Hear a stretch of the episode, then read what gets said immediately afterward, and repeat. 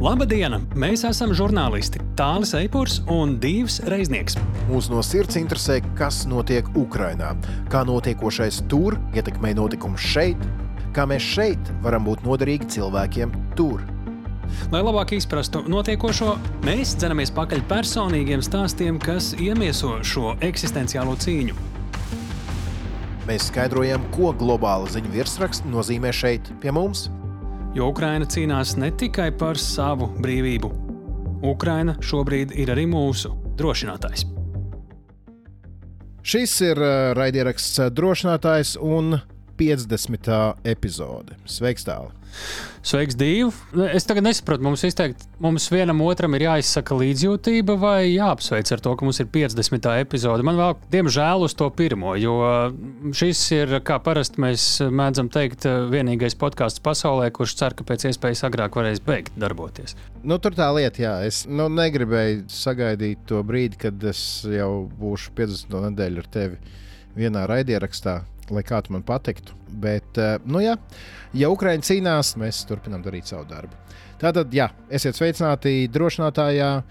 Jau 50. nedēļu mēs eh, nesīsim jums pamatīgas intervijas, apskatus un tā tālāk. Un tā joprojām. Nu jā, un šoreiz uh, lielā intervija mums par tematu, kam gribi, negribi, ik pa laikam ir jāpieskaras. Tikai šoreiz vēl citā leņķī, ļoti svarīgā leņķī. Un izstāstīsim tādā garākā intervijā par projektu Energy Act for Ukraine. Es pat nevaru izdomāt, kā latviešu tā ļoti labi to iztulkot. Enerģijas iniciatīva Ukrainai vai enerģētikas iniciatīva Ukrainai. Tā es varētu tā ļoti netieši, bet pēc būtības iztulkot. Un ko tad eh, šis projekts dara? Viņi palīdz aprīkot skolas un slimnīcas ar saules baterijām, un arī ar šiem akumulatoriem, kur tu enerģiju uzkrāt. Turklāt viņi to dara tādā veidā, kas ir izdevīgs arī tiem, kuri atbalsta šo projektu, jo viņi ir sapratuši, ka tāda vienkārša klasiska ziedošana īsti Ukrainā vairs neiet cauri laikam. Nu, un, jā, pie viena mūsu šīs dienas sarunu biedrene, kas arī stāstīs par visu šo projektu, Anastasija Verešķīnska, palīdzēs mums ielūkoties tajā, kā karš Ukrainā ir veicinājis īpaši jau tieši atjaunīgo energoresursu izmantošanu tieši enerģijas ražošanā. Par to arī būs šī plašākā saruna. Bet arī tev divi ir bijusi gana plaša saruna, un eh, es tur sajūtu nu, tādas eh, svarīgas un, diemžēl, arī trauksmainas notis. Es par sarunu ar Kristīnu, bet tu gribēji vēl par zobārstu kabinetu, ja? Nē, nē, nē, es tikai pateikšu. Tie, kur klausījās mūsu pagājušo epizodi, atcerēsies, ka mēs runājām ar Sergeju Basu no Odeses zobārstu, kurš um, ņem brīvdienas un brauc uz fronti ar kolēģiem ārstēt um, karavīriem zobus. Un, Viena no lietām, ko viņš pieminēja, ir, ka jā, viņi nav vienīgie, kas ar šādiem mobīliem kabinetiem tur piefrontes zonu pārvietojas un mēģina palīdzēt un darīt, cik var. Un jau pagājušajā nedēļā mēs pieminējām, ka no Latvijas it kā šāds te busiņš uz riteņiem, kabinets uz riteņiem tūlīt, kur katru brīdi izbrauks. Un, uh, man šodien izdevās sazvanīt šos uh, vīrus, kas ved šādu zobārstniecības kabinetu tieši šobrīd uz uh, Ukrainu. Noķērām viņus uh, nu pat izbraukuši cauri Varšavai. Tā kā ar viņiem īsa saruna arī būs šodien, bet pirms uh, mēs uh, lidojam uz Poliju, pārcelsimies uz Vašingtonu, kur šobrīd ar Kristīnu runāsim par to, ka Eiropā vadošajos amatos dažādās valstīs arvien vairāk iesēžas um, Ukrainas nedraugi.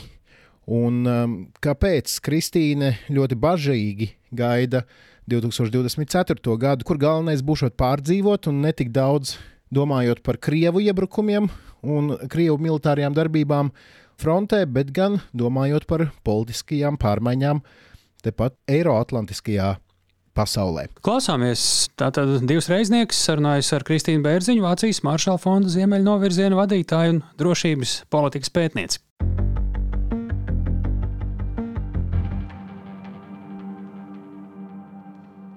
Sveiki, Kristīne! Čau, čau! Būsim atklāti pret klausītājiem. Mēs pirms ierakstām mūsu sarunu parasti izējām cauri tēmām, par kurām varētu runāt. Un mums sanāca, ka šī nedēļa varētu būt tāds apakaliptisko ziņu apkopojums.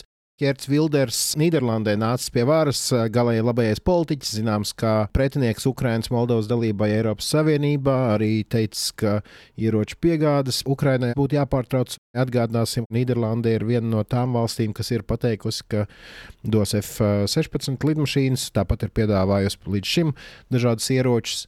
Arī Viktors Orbāns ir pateicis, ka Eiropai vajag pilnībā mainīt savu uh, nostāju attiecībā pret Ukrainu un tā tālāk un tā joprojām. Ja tev šie pēdējo nedēļu notikumi jāapkopo tā divu minūšu stāstījumā, kas ir tas, ko tu izceltu kā svarīgāko?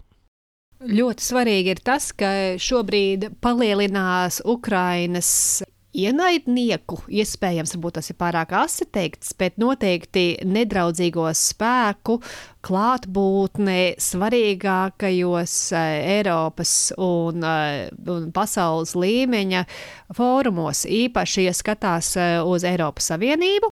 Līdz Nīderlandes vēlēšanām bija kaut cik optimistiska doma par to, ka tagad eh, decembra vidū, tāpēc ka lielās valstis atbalsta, tad decembra vidū varētu Ukrainai un Moldovai būtu vēl skaidrāks ceļš uz dalību Eiropas Savienībā.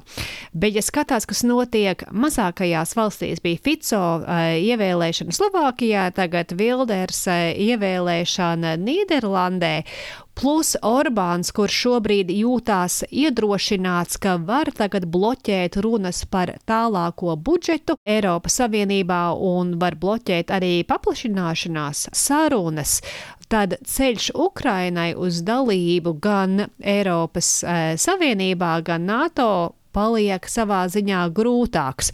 Tāpēc, ka ne Turcija, ne Ungārija šobrīd netaisās padoties, un varbūt mēs runājām par to, ka Zviedrija vēl joprojām stāv durvīs, bet nevar šķērsot un nevar ienākt NATO pavisam, tad arī šie rezultāti iedrošina e, Orbānu Ungārijā, lai iespējams atturētu valstis un uh, nepadotos tām Eiropas vairākumam. Un ja mēs līdz šim esam ļoti pukojušies šeit par uh, ASV politiku, par uh, kongresa apakšpalātas minoritāti, kura bloķē un negrib atbalstīt Ukrainu, tad jāapskatās arī Eiropas pusē, ko nozīmē, ja Nīderlandē, Slovākijā, Ungārijā un vēl NATO līmenī Turcijā nav tik liels atbalsts Ukrainai, vai cik liela nozīme ir tam, ka pārējām 20 plus valstīm vēl joprojām gribētos ļoti atbalstīt un paplašināties, bet ir šie sarežģītie jautājumi, kuri šobrīd neiet uz priekšu. Un 24. gadā vēl jāņem vērā, ka tas ir milzīgs arī visā Eiropas līmenī vēlēšanu gads, kad notiks Eiropas parlamenta vēlēšanas, notiks daudzās valstīs vēl arī tālāk vēlēšanas, un šīs pēdējās nerāda to, ka Eiropas līmenī e, ir visur liels atbalsts uh, Ukrainai un ārpolitikas drošības jautājumiem. Protams, Fico nedabūja vairākumu, tur vēl joprojām ir jāskatās to, ka tas ir varbūt uh, mazāk nekā ceturdaļa no valsts, kas balso par tālējo labējo vai kaut kā izolācijas politikas atbalstītāju, bet tam ir ārkārtīgi milzīga nozīme, un tas, ka pārējie 75% vai pārējās Eiropas valstis ļoti vēlētos, tas, tas nevienmēr ir tas svarīgākais, un tāpēc es teiktu, 24. gads gads, tagad nākamais gads varētu būt politiski, diplomātiski ārkārtīgi sarežģīts un grūts, un tas ir kaut kas, uz ko arī Putins un Krievija gaida, uz to, ka rietumu vienotība un atbalsts Ukrainai izsīks, un kas ir nepieciešams, nu, nevis tas, ka vairākums, ka tagad 20 valstis teiks, nu, nevajadzētu vairāk atbalstīt to Ukrainu, bet vai nepaliek trakāk, vai vēl īpaši grūtāk, ja tās ir tās četras vai piecas, kuras it kā ir tik nedaudz skatoties uz NATO 31 dalību valstu plašāko pulku, bet tomēr svarīgi. Un tas notiek vienlaicīgi arī ar stagnāciju, kura notiek uz frontes līnijas. Un mēs jau runājām par to, ka šobrīd arī nav uh, lādiņu un ka nav arī militārā ražošana nenotiek tā, kā tai būtu jānotiek Eiropas līmenī. Un tas attiecās uh, īpaši atkal uz 24. gadu sparojās, kustās, bet kustās lēnām. 25. gads varbūt pavisam cita bilde, bet 24. gadā inerce vairāk ir Krievijas pusē. Ziemeļkoreja un Irāna dod Krievijai vairāk lādiņus nekā Eiropa dod Ukrainai. Izskatās, ka Irāna un Ziemeļkoreja ir labāki draugi Krievijai nekā Eiropa ir Ukrainai, un tas ir galīgi garām. Un tāpēc mums ir jāpadomā par to, kā mēs tiksim cauri 24. gadam, kā mūsu lēnākā pieeja, kā stūros, kur attīstās opozīcija pret atbalstu Ukrainai, kā tas to visu ietekmē un kā lai mēs tiekam līdz 25. gadam, kad varētu tā bilde būt drusku citādāka, ka vēlēšanas varētu būt pagājušas, tad, kad uh, retorika nomierinās, jo priekšvēlēšana laikā tā vienmēr visās valstīs, īpaši ekstrēmistu partijām, ir īpaši dramatiska. Bet es nezinu, nākamais gads man liekas būs būs varbūt tikpat grūts, cik bija 22. gads, kad bija atkal jaunais iebrukums, un nevis tīri Krievijas dēļ, bet dēļ tā, kas notiek mūsu Eiropas un, un, un transatlantiskajā pusē.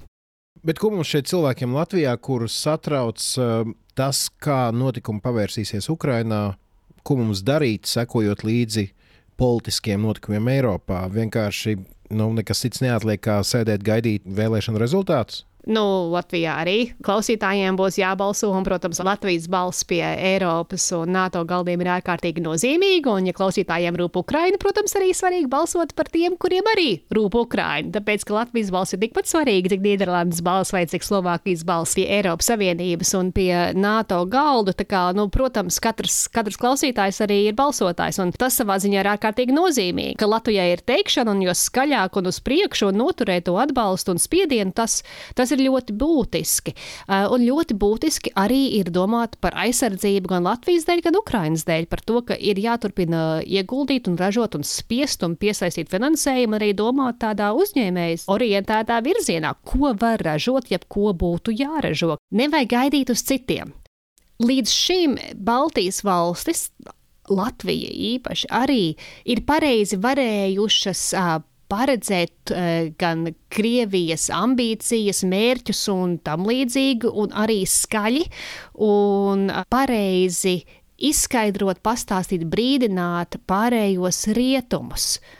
Ja Latvijā jūt to lielo draudu, to nepieciešamību palīdzēt. Un, protams, Latvijā to jūt, tāpēc, ka tā ir ne tikai Ukrainas drošība, bet arī Latvijas drošība tad e, ir jāturpina būt skaļiem un jāturpina tomēr noturēt un parādīt to, ka tas nav kaut kas malā noliekams, no kā drīkstētu nogurt.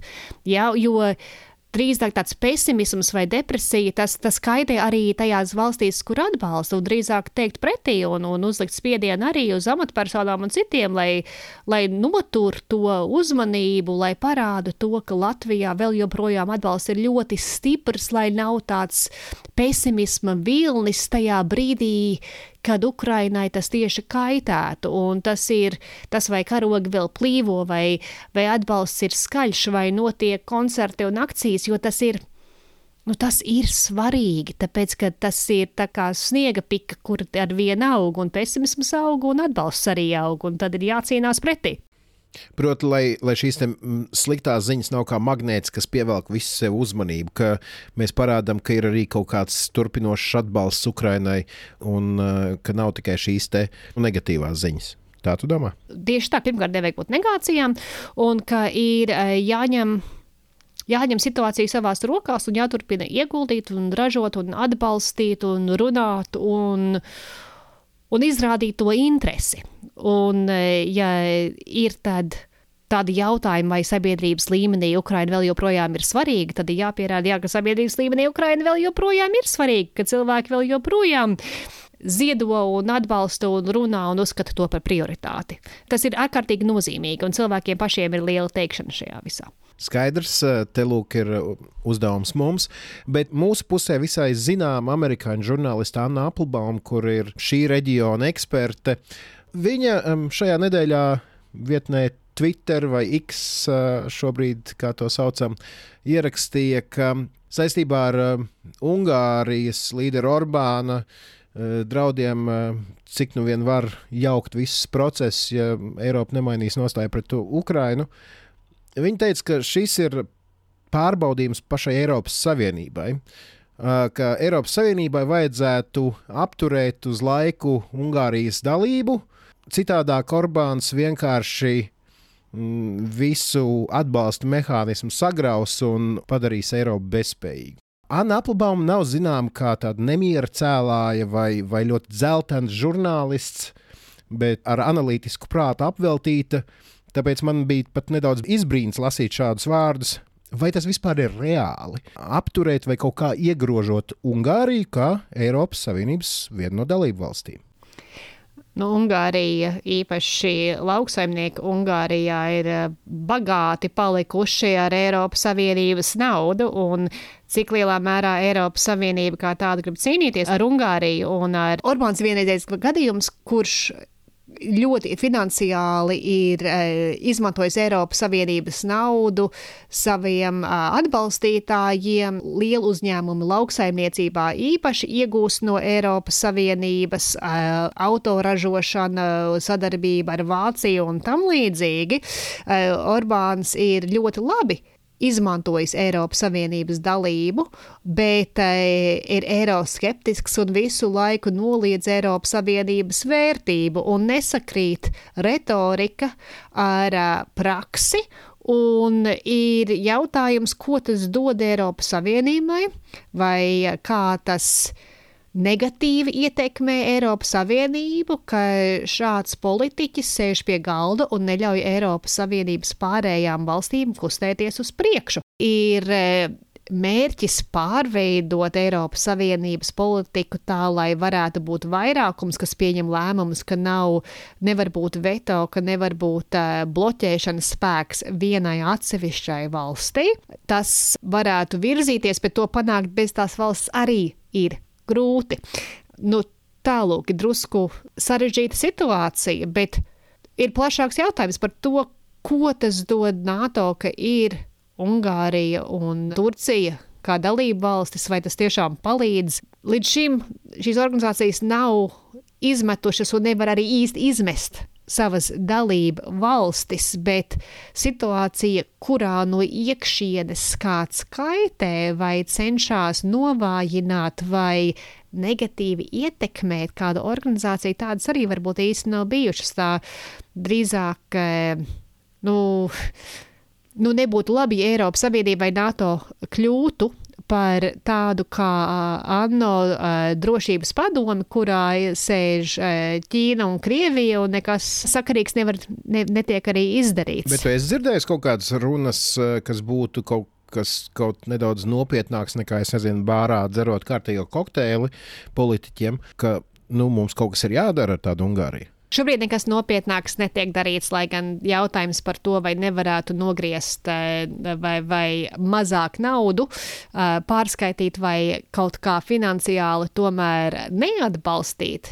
tik naidīgu eh, dalību valsti. Par to gan ir dažādi mehānismi, un tie ir saistīti ar demokrātisko normu izpildīšanu. Un, nu, nevis tāpat vien tāpēc, ka tu mūs apvaino, bet eh, drīzāk tas, ka Ungārijā tā retorika arī iet kopā ar ļoti nopietnu mēdīju brīvības un arī citiem demokrātisko normu e, pārkāpumiem. Tādēļ par Ungāriju ir sarunas, bet nav tādas dramatiskas. Man liekas, ka tas satraukums dēļ Orbāna pieaug ņemot vērā, ka citās valstīs, piemēram, Milders nāk pie varas. Ja, tas viss pataisa to jau iepriekšējo sarežģīto valstu jautājumu vēl sliktāku. Nu, ko skaidrs, tad mums ir um, jāpārcieš 24. gads, un tad jau 25. varētu būt tāds uh, patīkamāks. ja gribam nu, saglabāt pozitivitāti kaut kādu. Tā sanāk. Jā, būs, būs, būs traks gads, bet tāpēc ir jāskatās uz ilgtermiņa mērķiem un uz to, ka tomēr racionālais lielais atbalsts ir ārkārtīgi nozīmīgs. Un, un tie, kur vēlās saliedētu vienotu Eiropu un arī uh, brīvo rietumu pasauli, ka šai pusē ir jābūt skaļākai, tāpēc ka čīkstētāji, pīkstētāji, ekstrēmisti, opozicionāri tie jau tikai skaļāki nākamajā gadā būs. Un, ja tā klusā puse, ja klusais vairākums, kas atbalsta Ukrainu, turpinās klusēt, nu tad uh, Ukrainai tas nāks tikai pa sliktu. Viedvārdi. Paldies tev un uz sadzirdēšanos pēc nedēļas. Uz sadzirdēšanos!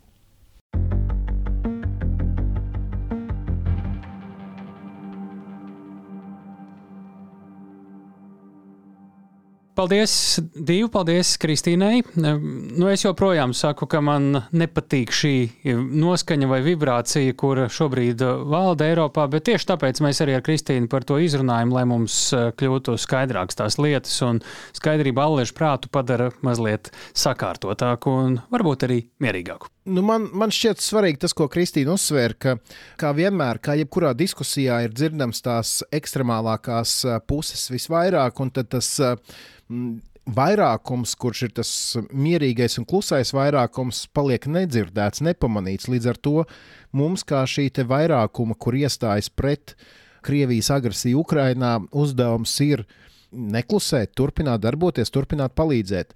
Pie šīs mantras pieturās arī Arthurs Kristlīps. Viņš man uzrakstīja pēc uh, mūsu iepriekšējās epizodes, sakot, hei, mēs vedam uz uh, Ukrainu mobīlo zobārstniecības kabinetu.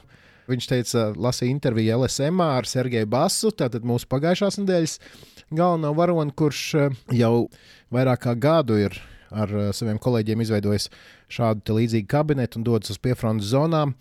Arthurs teica, jā, mēs ar Ganta fonds, kurā viņš ir viens no valdes locekļiem, un tas fonds esot izveidots sākotnēji ar domu stiprināt latviešu nacionālo pašapziņu, bet nu tad laiks ievies korekcijas, un viņi pievērsās palīdzībai Ukrainai. Jā, šobrīd viņi ved uz Ukrainu mobīlo zobārstniecības kabinetu, kas ir izveidots no nulles, bet uh, plašāk par uh, šo projektu mūsu nelielā sarunā ar Artūru Kristlību. Sveiki, Artūr! Sveiki! Es saprotu, ka es esmu sazvanījis jūs kaut kur Varšavas pievārtē. Ja? Nu, jau esam garām, tuvojamies palēnām robežai. Pret vakar pusi jau ceru būt Ukraiņas pusē. Izstāstīsimā, ko tad jūs vedat uz Ukrajinu? Šoreiz o, mēs vedam tādu ļoti interesantu projektu. Pašlaik vienīgais tāds taps Latvijā mobilais stomatoloģijas kabinets, kurš ir paredzēts tieši karavīru mutes veselības uzlabošanai. Esam šo mašīnu izveidojuši vairāk kā pusgada laikā, sākot no idejas un beidzot jau ar gataviem risinājumiem, kas ir uz riteņiem, un uh, rūc un brauc un ir spējīgi izdarīt to uzdevumu, kāds viņai ir uh, dots.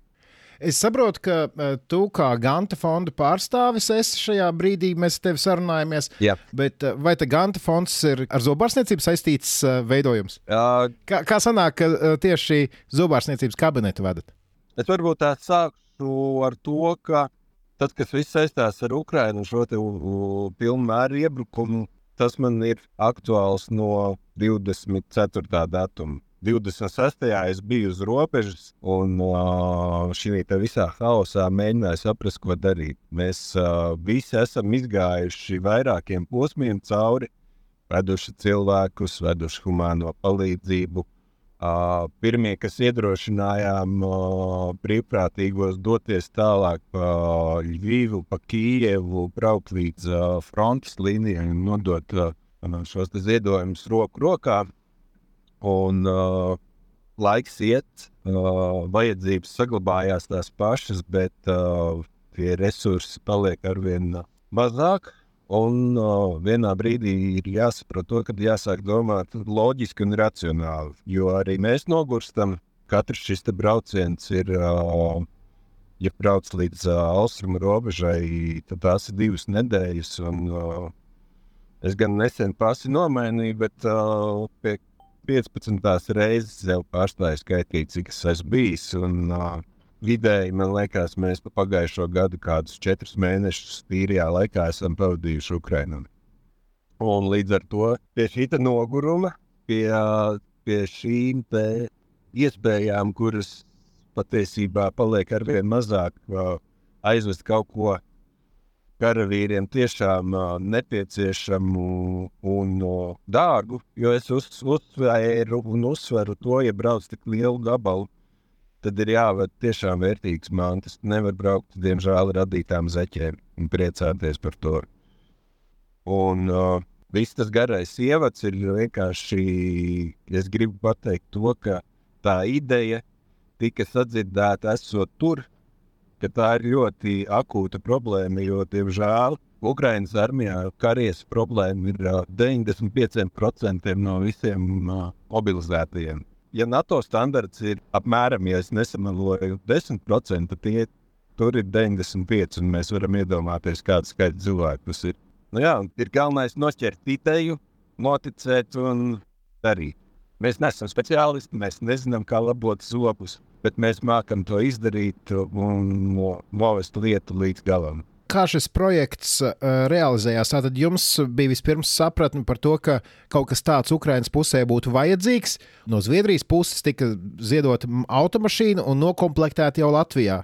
Ja var īsumā par to izstāstīt.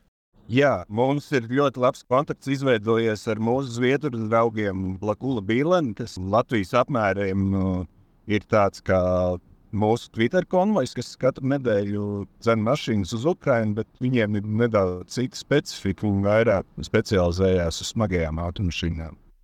Nu, lūk, un, šis zobārstniecības projekts ir tāds, nu, teiksim, internacionāls, jo tur ir gan iesaistīti zviedri, gan mūsu draugi no Ziemeļīrijas, kas ir nodrošinājuši vairāk šīs medicīniskā profila pozīcijas, kas ir mašīnā iekšā, un arī uh, mūsu Latvijas uzņēmēji. Jo tas koncepts, kādu mēs izvēlējāmies, lai uzbūvētu šo mašīnu, saprotot tās izmaksas, kādas ir tieši pirms braukšanas, vēl uh, vilkt kopā visus uh, ziedojumu līgumus un visas summas, tad uh, nu, uzbūvēt uh, naudas kā izteiksmē, tie ir apmēram 80 tūkstoši tādu furgonu, bet uh, fiziski mēs esam no sevis ieguldījuši 5000 eiro un dabūjuši gatavu šādu auto. Bet tas viss ir darīts uh, runājot.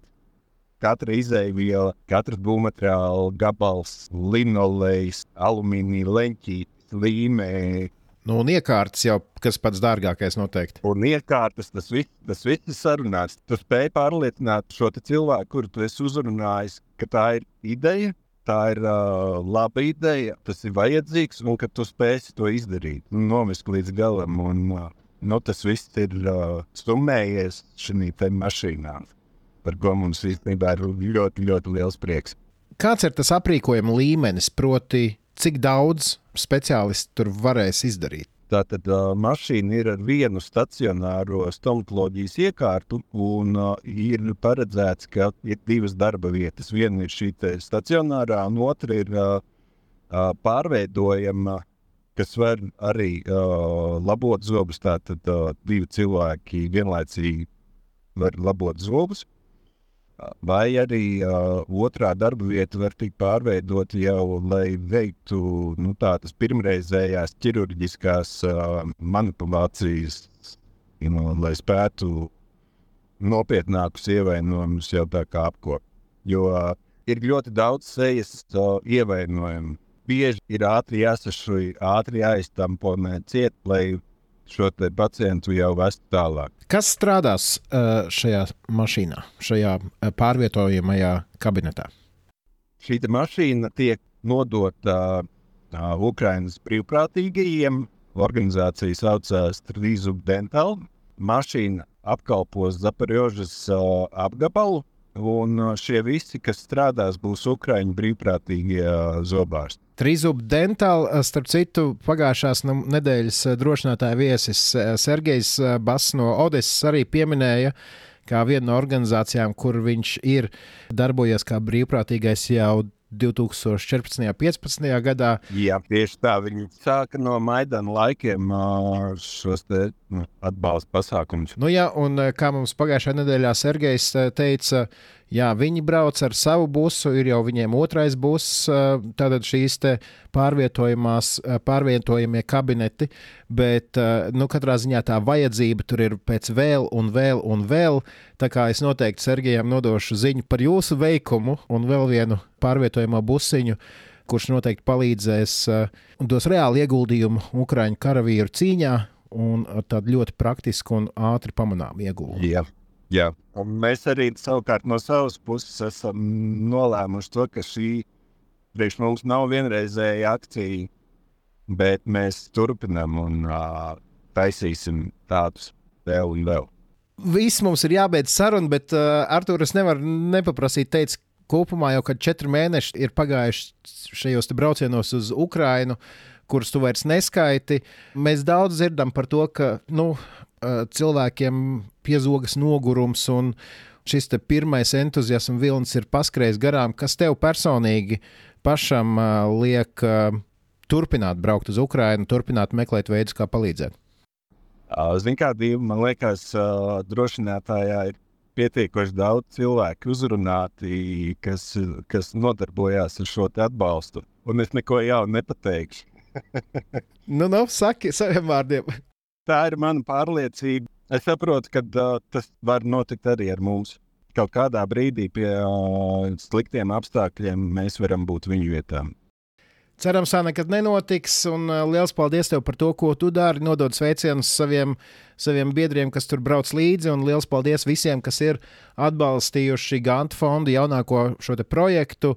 Tā tad. Um, no Zviedrijas dabūts maizes pārvadāšanas busiņš, Latvijā pārveidots par stomatoloģisko kabinetu uz riteņiem un šobrīd ir ceļā uz Ukrajinu. Iespējams, Artur, es palūkšu pēc kāda laika kontaktus varbūt kādiem cilvēkiem, kas reāli strādā šajā busiņā. Droši. Un pēc kāda pusgada uzzināsim, kā viņiem tur ir klājies. Galvenais, lai ir ilgs mūžs tam busam un, un daudz karavīriem var palīdzēt. Jā, jā, super. Labi. Lielas paldies! Paldies tev! Tā, Atā, Artur! Atā. Paldies, Dīva! Paldies arī Artūram Krislībam, kurš lasa to, ko intervē raidierakstu drošinātājs. Tagad mēs dzirdējām arī, kas viņam ir sakāms raidierakstam drošinātājs, un mēs novēlam veiksmīgu ceļu, jo tieši šī raidieraksta, šīs epizodes ierakstīšanas brīdī šīs busiņš ir ceļā uz Ukrainu kopā ar Rīgas satiksmes autobusiem, un mēs ļoti ceram, ka tas busiņš kalpos ilgi, labi, un daudz ukraiņu karavīri būs ar drošākiem zobiem, tā jāsaka.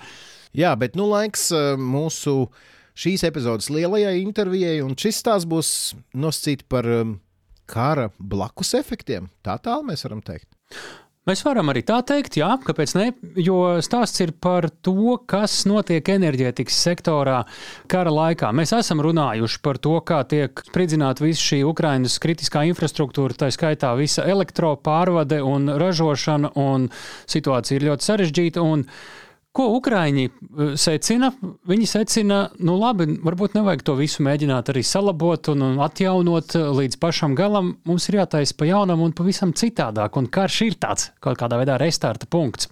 Un eh, ko viņi dara? Ir virkne organizāciju, kuras gādā, lai svarīgām iestādēm, skolām, slimnīcām, nu, piemēram, glābēju, tur, depo vai vēl kaut kam, būtu sava energoapgāde vai vismaz rezerves varianti, ar kuriem kuriem pārciest grūtākus brīžus, tā saucamos blackoutus vai atslēgumus elektrības. Mēs sazinājāmies ar vienu no šādām organizācijām. Paldies, starp citu, tikko skanējušajai Kristīnai Bērziņai, kur mums, mums saved kopā ar Anastasiju Verešķīnsku no organizācijas vai fonda Energy Act for Ukraine, jeb enerģijas enerģētikas iniciatīva Ukrainai. Viņi tur ir tāda sadarbības menedžere, un viņi rūpējas tieši par skolām un tieši par slimnīcām un vēl dažiem tādiem pozitīvā nozīmē sānsoļiem vēl uz citām pusēm un apgādā viņus ar tieši enerģētisko palīdzību. Un ar Anastasiju mēs pie viena arī tā kā viņai ir liela pieredze enerģētikas politikas veidošanā, viņa pat ir bijusi Ukrainas parlamenta deputāta palīdze un vēl daudz kur darbojusies dažādās domnīcās. Iztaujājām, protams, par to, kāda tad šobrīd ir šī enerģētikas situācija Ukrainā, ņemot vērā, ka atkal klāt ir ziema, kāda tā būs salīdzinot ar iepriekšējo. Viņai tur ir savi pamatoti spriedumi, tos mēs uzzināsim, vai tad tā būs grūtāka vai varbūt tieši otrā otrādi, un ko viņi diemžēl sagaida arī no krieviem, kas varētu būt citādāk nekā pagājušajā ziemā. Tas viss tātad sarunā ar Anastasiju Verešķīnsku, sadarbības menedžeri fondā Energy Act for Ukraine. Nu, ko klausāmies? Šī saruna būs angļu valodā, vai ne tāli? Jā, šī saruna būs angļu valodā. Te gan ir uh, tāda piebilde, ka mēs Anastasiju pārķērām attēlināt. Protams, mēs ar viņu sarunājāmies. Viņa bija atceļā no Amerikas, kur arī cīnījās par atbalstu savam fondam uz Ukrainu. Viņa bija Polijā. Tā kā pa pusē kafejnīcā, pa pusē uz ielas, un tomēr nāca pretī un ar mums sarunājās. Sākumā varbūt tā saruna angļu versijā tāda mazliet grūtāk saprotama skaņas ziņā, bet tur, protams, ka visu var saprast, bet uh, latviešu versijā ar tulkojumu, protams, viss skaidrs. Tur visu esam iztulkojuši, viss viegli saprotams. Un tagad, kad jūs šo pašu epizodu klausīties uz priekšu, tad dzirdēsiet latviešu versiju, bet ja jūs dodat priekšroku oriģinālā, kā cilvēks pats ir ar visām savām intonācijām, smiekliem un pārdomām, runājis, tad eh, blakus tepat, eh, tur, kur ir šī epizode, varat atrast arī versiju oriģinālā valodā. Nu, ko klausāmies tāļu saruna ar Anastasiju Veršķīnsku.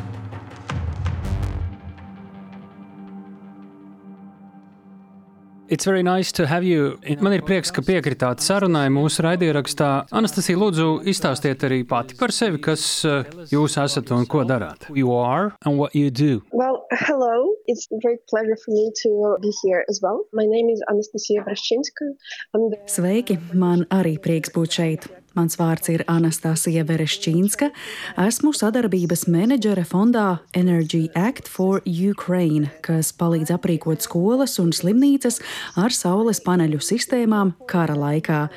Es strādāju ar ziedotājiem, es tos meklēju, uzturu ar viņiem attiecības, palīdzu saprast, kāds būtu labākais veids, kā viņiem iesaistīties mūsu projektā, jo mums šādas iespējas ir vairākas the donor participation in our project. Basically, maintaining the relations with them. International donor tie ir startautiskie ziedotāji, vietējie vai tur ir abejādi, or both?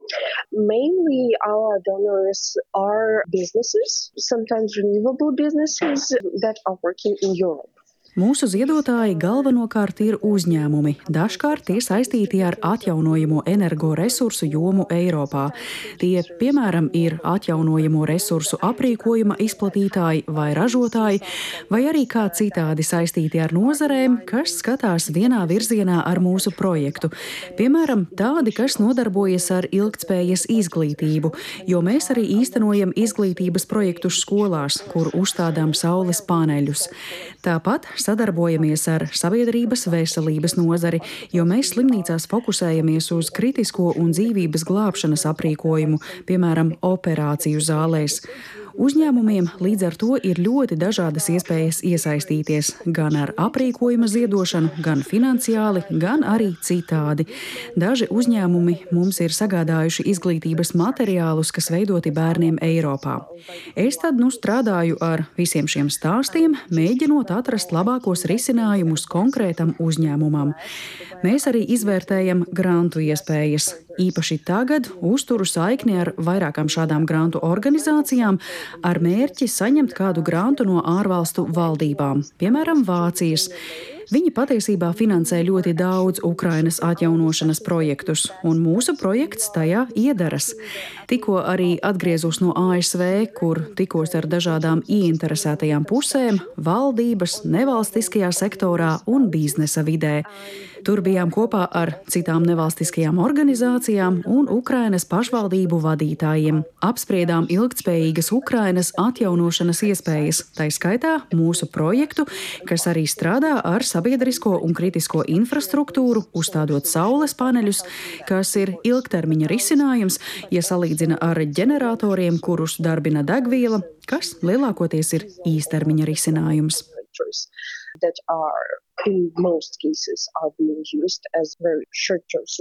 So, how about you? Ja nekļūdos, jums ir arī īpašas attiecības ar Rīgu. I'm not mistaken? yes. Yes, uh, I did a very short term, I would say, program in Latvian University in RGSL. Uh, that was advanced. Jā, tā tiešām ir. Es Rīgas juridiskajā augstskolā piedalījos īsā Eiropas tiesību un ekonomikas programmā. Tā tika rīkota Ukrainas civildienesta valsts pārvaldes un nevalstiskās sektora cilvēkiem. Es tolaik strādāju Ukrainas parlamenta enerģētikas komitejā kā deputāta palīdze. Tas bija ap 2018. gadu. Rīgā pavadīju trīs mēnešus. Man palaimējās ar labākajiem iespējamiem laikapstākļiem, kādi vien pie jums ir pieejami. Tā bija ļoti laba pieredze, gan profesionāli, gan personiski. The most amazing weather conditions that are available uh, there. So that was super cool. I've enjoyed this experience uh, both uh, professionally and personally. So, somebody who, nu, tā tad esat cilvēks, kas mūs zina, bet uh, tad, kā jūs pievērsāties tieši enerģētikas nozarei? Energy questions. That was actually a very spontaneous, in a way, decision because I was studying law at Ukrainian University and I started working as a lawyer. So I was working at one legal firm and then at the Big Four. I was doing Tas patiesībā bija spontāns lēmums. Es studēju tiesības Ukrainas Universitātē un strādāju par juristi, darbojos uzņēmumu tiesībās. Tobrīd ilgtspēja un interese par enerģētiku un atjaunojamo resursu enerģiju man bija tikai kā hobijs.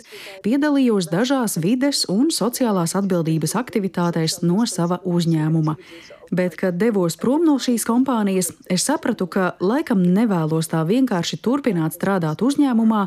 Tas bija ļoti garlaicīgi. Man vajadzēja ko interesantāku, iedvesmojošāku. Es sev pajautāju, kas mani līdz šim ir kaut nedaudz aizrāvis. Un tas bija projekts kopā ar Ukrainas enerģētikas ministriju. Tas gan bija saistīts ar tradicionālajiem energoresursiem, oglēm un citiem. Nolēmu paskatīties tuvāk. Teicu paziņām, ka vēlos strādāt enerģētikas nozarē, un tas nostrādāja. Paziņa no parlamenta teica, ka viens progresīvs deputāts, kas strādā ar atjaunojamo enerģiju un klimata lietām, meklē palīgu. Saredzēju iespēju šādi saprast vairāk par to, kā šī nozare darbojas Ukrainā. Es pieteicos, un man paveicās, un tā tas arī sākās. Tad parlamentu atlaida, un es meklēju, kā darboties nozarē, jo jau labi zināju, kas ir galvenie spēlētāji un kādi ir noteikumi. Un esmu tiešām priecīga, ka izdarīju šādu izvēli.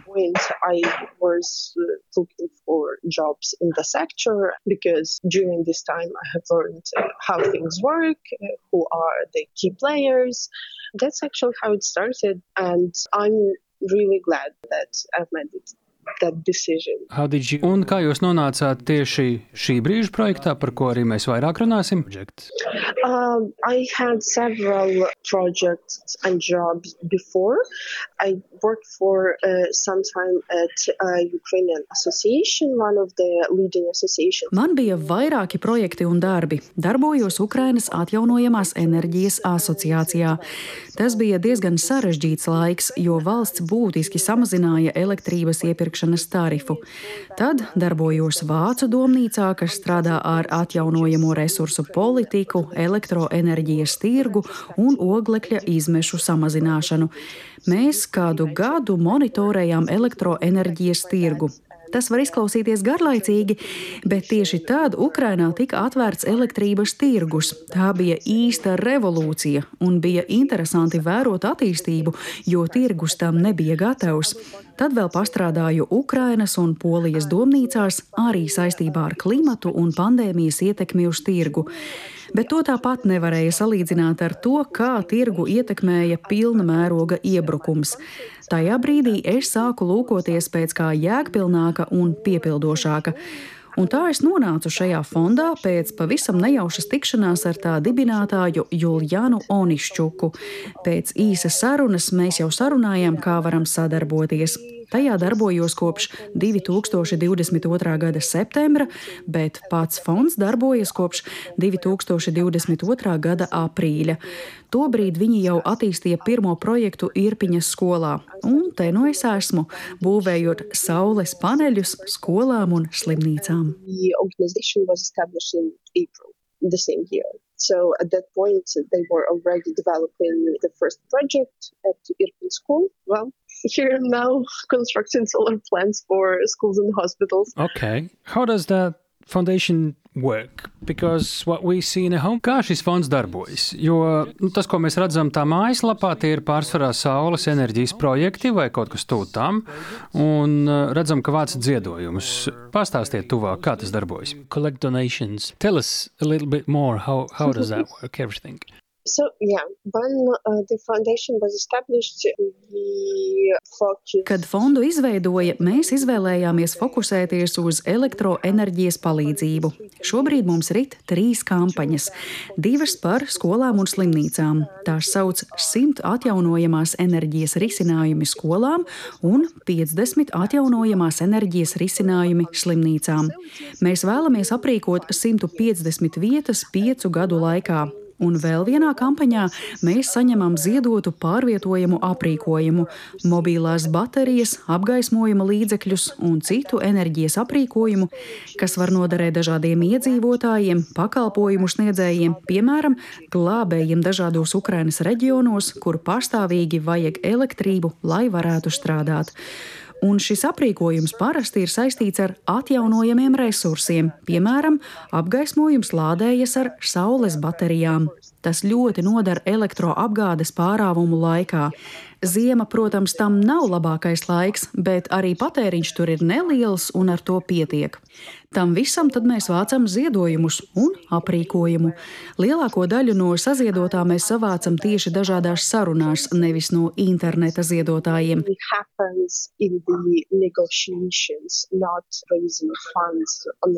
Example we tested different options how to do that, and we realized that. Mēs izmēģinājām visādus veidus un sapratām, ka tiešā komunikācija ar ziedotājiem dod labākos rezultātus.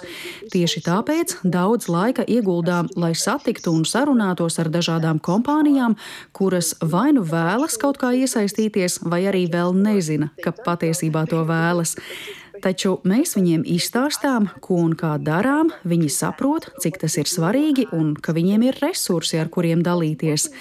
Bet vēl interesantāk ir tas, ka iesaistīšanās mūsu projektā kompānijām ir kā iespēja tuvāk iepazīt Ukrainas tirgu. Piemēram, viena poļu kompānija sāka solāros projektus tieši ar mūsu starpniecību, un pie viena apsvēra ienākšanu Ukrainas tirgū. Un kamēr mēs strādājām ar saules projektiem skolās un slimnīcās, viņi ir atvēruši filiāli Ukrainā. Turklāt tas noticis Krievijas iebrukuma laikā šogad. At schools and hospitals, they have opened a branch in Ukraine and they have started working on Ukrainian market uh, during the full-scale invasion. Nu, jāsaka, jūs ļoti labi pārdodat savu ideju. Idea. I hope so. I hope so. That's how we are trying to find, like, we're trying to think as business would in this case. Es ceru, es ceru. Tas ir veids, kā mēs cenšamies domāt kā biznesā. Labdarība, tas, protams, skan labi, bet to nevar darīt ilgtermiņā. Tāpēc ir jāpiedāvā būtiski ieguvumi ne tikai skolām un slimnīcām, bet arī tiem, kuri piedalās šajos projektos. Ja tas ir uzņēmums, tad par to arī ir tā jādomā, un viņu intereses parasti grozās ap peļņas gūšanu. Tāpēc mēs mēģinām apgūt dažādus sadarbības veidus veidus, un tik tālu tas strādā. So that's why we are trying to explore uh, these uh, avenues for cooperation, and uh, so far it works like this. And why not? Tell us about Un kāpēc gan ne? Uh, lūdzu, izstāstiet par skolām, par slimnīcām un pārējiem projektiem, kādi līdz šim ir šo projektu rezultāti. Tas ir svarīgi, jo tas jau ir tas uh, viens no jūsu projekta gala iznākumiem. Sums up, I guess. Mm -hmm. How we look for them. It all started with just a field trip to uh, Irpini when it was. Viss sākās ar fonda dibinātājas un menedžeru reālu došanos uz Irpiņu pēc tās deokupācijas 2022. gada aprīlī, kad beidzot bija droši turp doties. Viņi sapostītajā pilsētā apmeklēja vairākas izglītības iestādes, pārsvarā skolas. Viņi fiksēja bojājumus. Viena no skolām bija burtiski nolīdzināta līdz ar zemi zemi. Vairākām skolām vēlāk izdevās salabot bojājumus, lai septembrī varētu uzņemt bērnus. Tur bija ļoti daudz darba ar visām mīnām, raķetēm. Skolu atjaunošanā talkā nāca arī dažādas starptautiskās institūcijas, tie ANO projekti. tika savestas kārtībā bumbu patvērtnes, jumti, un tas mums deva labu iespēju uzstādīt saules paneļu sistēmu. Uh, that uh, could uh, be perfect for installation of the solar system on it. Um, so in Kiev region, it was different. It was very emotional. So that's how it started. But then uh, we understood that uh, well, that may be not really sustainable to go to every region. Just. Bet tas tā bija vairāk tieši apkārtnē. Lai saprastu, kā ir citur, mēs nolēmām nedoties uz katru no šīm vietām, jo tas prasītu daudz laika un naudas. Un te mums palīdzēja izglītības un veselības ministrijas. Mēs viņiem iedavām mūsu kritērijus, kā izvēlamies iestādes, bet viņi pretī deva skolas un slimnīcas, kas tiem atbilst. Un tad mēs veicām tehnisko izpēti. Jānoskaidro, kādi viņiem ir jumti, kāds ir viņu aptuvenais enerģijas patēriņš. No tā visa gatavojam tehnisko risinājumu. To visu darām vēl krietni pirms sākam runāt ar atbalstītājiem. Pie viņiem dodamies ne tikai ar ar tehnisko risinājumu, bet pat ar tehnisko dokumentāciju. Mēs jau zinām, ka konkrētais risinājums būs visatbilstošākais tajā vietā un cik tas maksās. Tajā brīdī atbalstītājs pats var izlemt, dot naudu vai aprīkojumu, lai mēs jau tūlīt varētu sākt projektu. your call uh, just to give the funds or give the equipment, and we would uh, start the project right away. Cik tad skolām un slimnīcām jau piemēram, ir gatavi jumti ar saules paneļiem, kas šobrīd jau ir pilnībā padarīts un pabeigts. What's done already? What we have done, yeah. So we have done uh, two schools, one in Irpiņ, one in uh, Černīhiv city. Irpiņ... Šobrīd esam pabeiguši divus projektus. Vienu Irpiņā, vienu Černīhivā. Irpiņa ir vislabāk zināmais projekts šīs vietas baiso notikumu dēļ. Černīhiva ir reģionālais centrs Ukrainas ziemeļos, kas bija gandrīz aplenkts. Mūsu pirmais slimnīcas projekts bija tieši tur, bērnu slimnīcas neonatoloģijas nodaļā, vietā, kur tie tiek aprūpēti bērni, kuri piedzimuši pirms noteiktā laika. Tas prasa daudz sarežģīta aprīkojuma, piemēram, inkubatorus, kuros viņus tur ķirurģijas zāles un tā tālāk. Mēs uzstādījām saules sistēmu tieši šai ēkai. Te ir svarīgi atgādināt, ka mēs šādi nodrošinām visu šīs vietas elektrības patēriņu. Piemēram, skolās tie ir apmēram 30% no patēriņa, un tāds arī nav mērķis, jo, piemēram, virtuves aprīkojums patērē ļoti daudz, un to mēs nenodrošinām. Mūsu mērķis ir nodrošināt spēju skolai darboties līdz četrām stundām atslēguma laikā. Skolas gadījumā tā var būt bumbu patvērtne. Ja gaisa trauksme ieilgst, bērni var turpināt mācīties tur. Tam elektrību mēs varam nodrošināt, lai viņiem tur nebūtu jāsēž ar savu telefonu gaismiņām. Tur pietiek arī kādai interaktīvajai tāfelei vai kādam citam mācību procesam.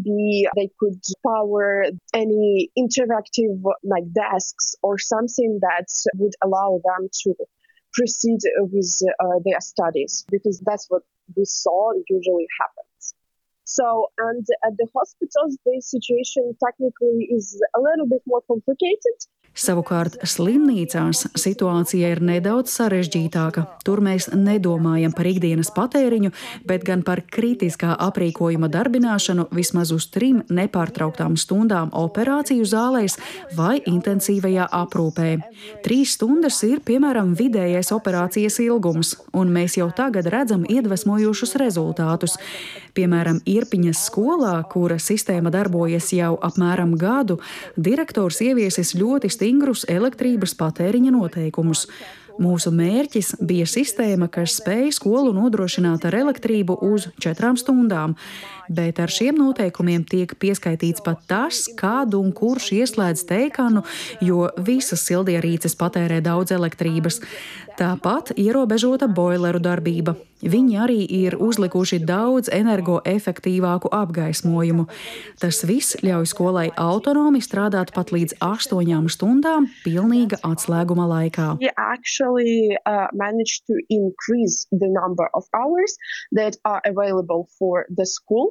to proceed working in complete blackout.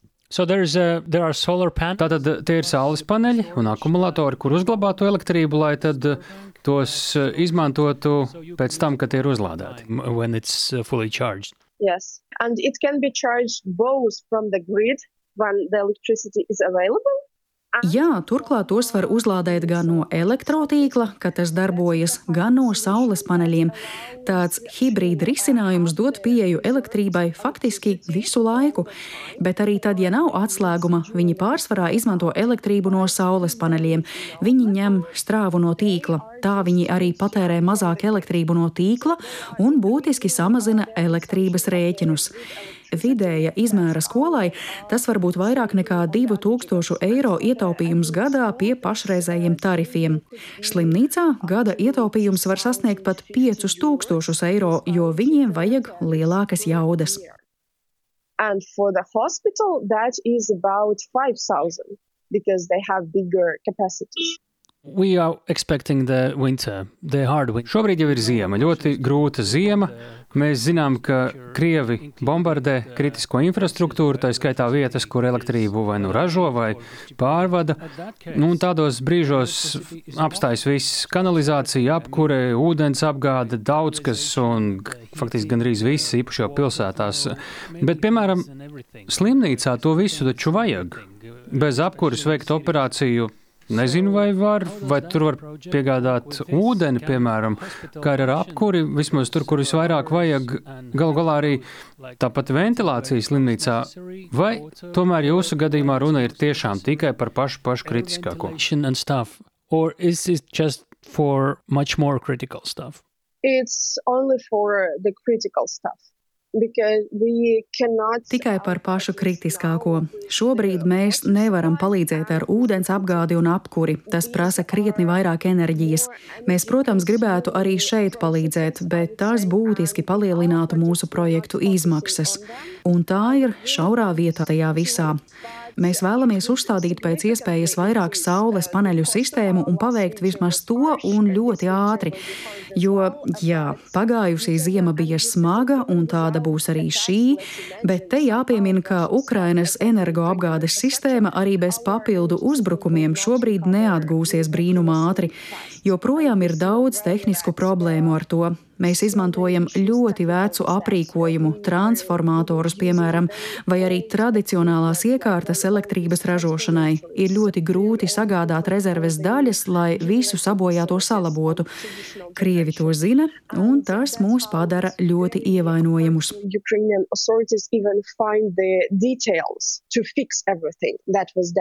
And obviously, Russians know that, and that makes us very vulnerable. And that's why in our projects we are like in on more higher level Tāpēc mūsu projektos mēs cenšamies Ukrainas energosistēmu padarīt vairāk decentralizētu. Tas to padara grūtāk ievainojumu uzbrukumos. Jo, ja Krievi uzbrūk, piemēram, vienam lielam teic, kas apgādā vairākus apgabalus vai pilsētas, ja tur kaut kas notiek, vairākas pilsētas nonāk tumsā. Bet, ja katra pilsēta vai ideālā gadījumā katra slimnīca vai ūdens apgādes kompānija pati spēja ražot elektrību, tad tas tām dod neticamu noturību un enerģētisko neatkarību. Incredible resilience and energy independence. How Kā jūs teiktu, kā karš ietekmē domāšanu Ukrainā attiecībā tieši uz atjaunīgajiem resursiem, vai karš uh, kaut kā liek nozarei attīstīties, iespējams pat daudz ātrāk, vai varbūt tieši otrādi? To apstādina, jo nu, ir visādas citādas problēmas, daudz svarīgākas, par ko domāt. Renewables have never been so popular as uh, they have become within the course of Atjaunīgie resursi nekad nav bijuši tik populāri, kā tas ir bijis pēdējā gada laikā. Cilvēki uzstāda dažādas sistēmas, galvenokārt gan saules paneļus, bet viņi domā arī par akumulatoriem un uzkrāšanu visiem saprotamu iemeslu dēļ. Jā, īstermiņā tas ir dārgāk nekā ģenerators, bet ilgtermiņā ir citādi. Te jāsaprot saistība ar elektrības tarifiem Ukrainā. Mums ir pamatīgi subsidēta un ļoti zema elektrības cena mājasaimniecībām, tāpēc mājasaimniecības nav motivētas domāt par savām atjaunīgajām sistēmām, jo neredz, ka kaut ko ietaupīs, kā tas varbūt varētu būt kaut kur Eiropā. Izdevīgāk gan daudzstāvu mājā, gan privātmājā ir patērēt elektrību no tīkla un turpat nav motivācijas kaut ko taupīt, piemēram, izslēdzot gaismu. Pirms iebrukuma atjaunīgie resursi nebija populāri. Tos varēja atļauties tikai turīgākie cilvēki kaut kādām pamatvajadzībām, un arī tikai tie, kuri aizdomājās par klimatu, vai arī viņiem bija tarifs, kas ļāva pārdot saražoto enerģiju un nopelnīt. And, uh, that, uh, actually earn money. And uh, when the feed-in tariff was uh, uh, implemented, it was very high. Sākumā šis tarifs bija ļoti augsts, un tas motivēja gan uzņēmumus, gan mājsaimniecības uzstādīt šādas sistēmas.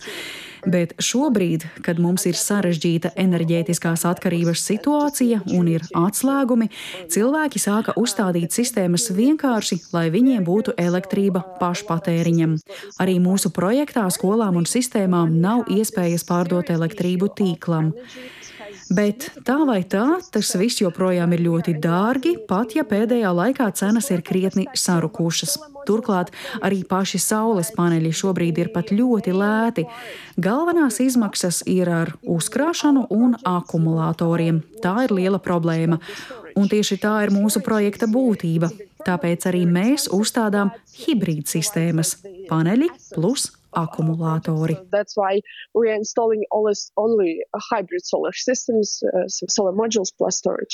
What we see is that Russia at this point Mēs redzam, ka Krievija netaisās pārtraukt uzbrukt Ukrainai. Kā jūs redzat, kāda būs šī ziema. Jo, manuprāt, cilvēkiem vajadzētu nu, būt gatavākiem, ar lielāku pieredzi, jo bija iepriekšējā ziema, viņiem arī tagad bija visa vasara, lai gatavotos. Kāda tad izskatās tieši šī ziema, vai tā atšķirsies no iepriekšējās, pieņemot, ka tas Krievijas ļaunums varētu arī nemazināties? Winter, and will it be different from the previous one if we assume that Russia will be the same evil as it was? Unfortunately, I think uh, that uh, this winter may be even harder because last winter, surprisingly enough. Diemžēl, manuprāt, šī zima būs vēl grūtāka, jo pagājušā zima bija grūta, bet savā ziņā pagāja vieglāk nekā mēs gaidījām.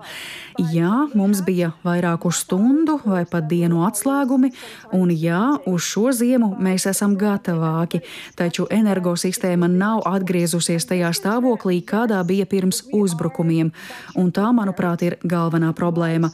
Jo, lai arī daudz kas ir izdarīts, lai to salabotu, tomēr acīm redzams, ka ne par simt procentiem. Turklāt šogad var gadīties, ka Krievi sāk uzbrukt citādi, nevis elektropārvades infrastruktūrai, bet nu jau ražošanas vietām. Viņi to jau ir sākuši, ieskaitot termoelektrocentrāles. Skatīsimies, kā būs. Es ļoti ceru, ka viss, kas paveikts šī gada laikā, gādājot ģeneratorus, saules sistēmas, dos augļus. Paldies Dievam, mēs neesam vienīgie, kas dara ko šādu. Mēs zinām virkni skolu un sistēmu, ūdens apgādes iekārtas, kur šādas sistēmas jau ir uzstādītas. Tas atvieglos lietas gan konkrētajās vietās, gan arī visai energoapgādei, jo daudz viet vairs nebūs jāuztraucas par pamatpatēriņa nodrošināšanu.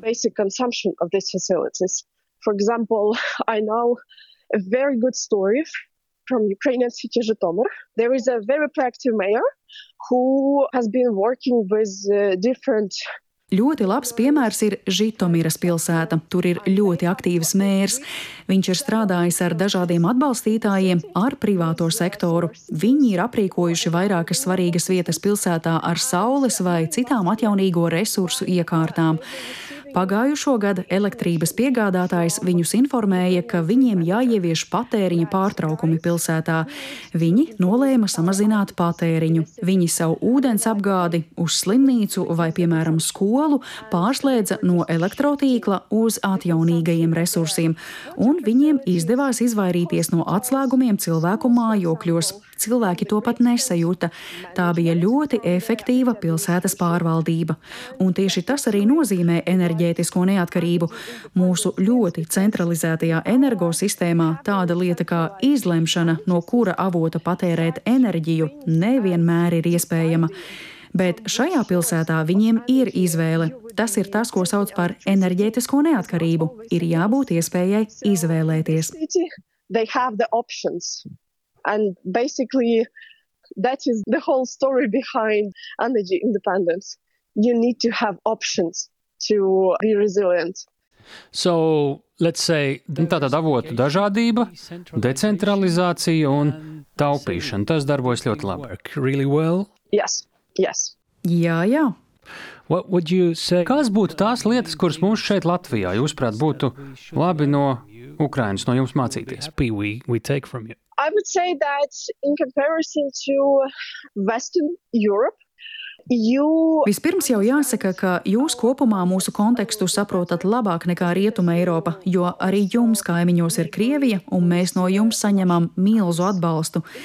Bet attiecībā uz enerģētiku, cik redzu, jūs darāt ļoti daudz, lai kļūtu energo neatkarīgi, atsakoties no krievu gāzes un elektrības.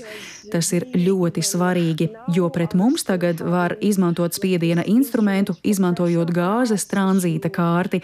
Mēs to neimportējam, bet tranzīts joprojām notiek. But we are still in these relations in terms of transit. Obviously, I would say that renewables are the key.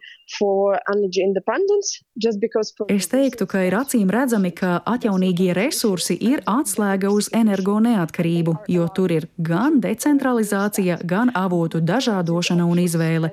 Tas ir brīnišķīgi, jo, ja kaut kas atgadās, jums būs vismaz dažas stundas ar elektrību, ar pielādētām ierīcēm uz vairākām dienām. Tas ir ļoti svarīgi. Bet tā globāli man nav ieteikumu, kas Latvijai būtu jādara. Tā ir jūsu pašu izvēle. Es tikai saku, ka atjaunīgie resursi ir labāki ilgtermiņā, jo jāatceras taču arī par klimata mērķiem. Tie ar mums paliks pat tad, ja Krievija kaut kur izgaistu. Arī ar to mums būs nākotnē jācīnās. Tāpēc pie tā jāķeras pēc iespējas ātrāk, vienlaikus samazinot arī Krievijas ienākumus. So cutting the profits of Russians. Okay. I hope some people in Latvia. Nu, ko es ceru, ka īstie cilvēki Latvijā šo ir dzirdējuši, un varbūt kādu dienu jūs saņemat kādu zvanu vai vēstuli. Maybe you'll get a call.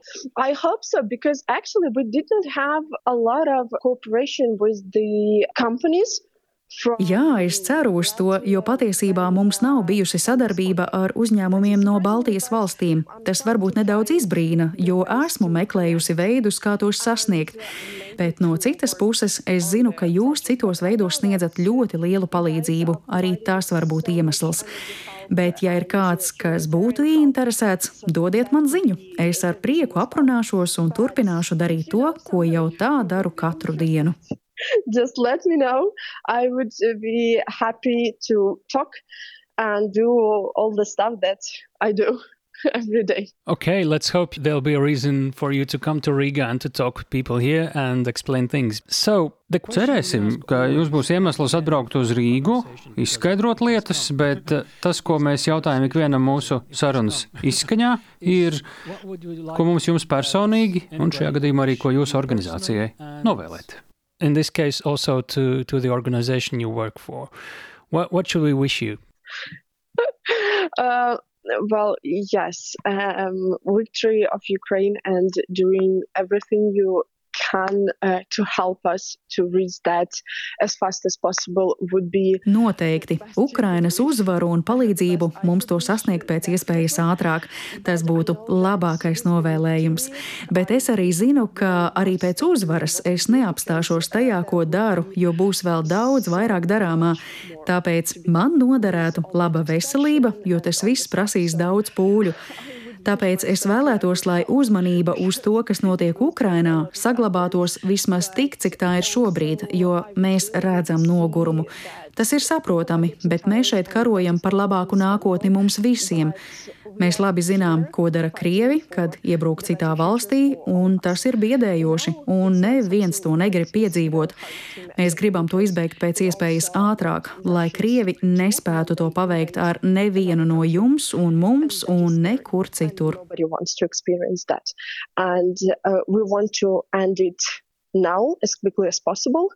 So Russians would not be able to do that with any of you, any of us, and anybody in the world.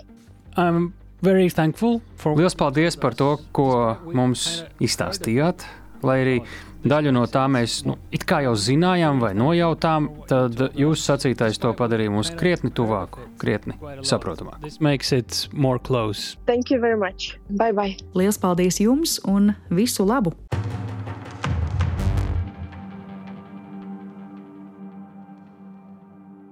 Nu, ko, paldies, Tāli. Tā bija tāļa eipura saruna ar Anastasiju Verešķīnsku no Energy Act for Ukraine. Ja mūs eh, dzirdēt dzirdīgas ausis, eh, tad eh, ausieties, ja iespējams, ka palīdzot Ukrainai šajā brīdī, jūs varat gūt arī kaut kādu labumu, kaut kādu izdevīgumu nākotnē, ilgtermiņā arī sev. Tā kā, eh, ja jums eh, šī saruna šķita interesanta, aizraujoša vai izzinoša, nu, ielieciet tur to sīkšķīšus vai zvaigznītes, padalieties ar saiti uz šo sarunu. Kā vienmēr, arī nedēļas nogalēs LSMLV varēs lasīt rakstiskā formātā šīs drošinātāja intervijas. Tas jau ir ierasts. Nu, ko tālu? Nu, rakstiet mums, rakstiet. Anastasiju varat sameklēt arī visos profesionālajos LinkedIn un uh, tādos tīklos. Uh, Energy Act of Ukraine uh, mēs ieliksim arī sociālajos tīklos pa taisno saiti, lai varat apskatīties paši šo lapu un viņu projektus. Un meklējiet vai nu mūsu rokā, vai viņu rokā. Klausieties arī citas epizodes, kur arī ir par citām iespējām drošinātājā var uzzināt, kā palīdzēt Ukrainai. Tā skaitā mums pašiem līdz ar to. Rakstiet drošinātājs at Latvijas radio LV meklējiet divu reiznieku tālāk, pur tīklos un uh, uz saziņu. Uz sadzirdēšanos pēc nedēļas, ja klausāties mūsu uh, tik līdz iznākam, ja klausāties kaut kad vēlāk, tad klikšķiniet tālāk jau uz nākamo epizodu. Šis bija divs reiznieks, tāls eipurs, raidieraksts drošinātājs un tā 50. laidiens. Šai reizei tas viss. Un atcerieties, drošinātājs tas ir skaidri un personīgi par karu Ukrajinā.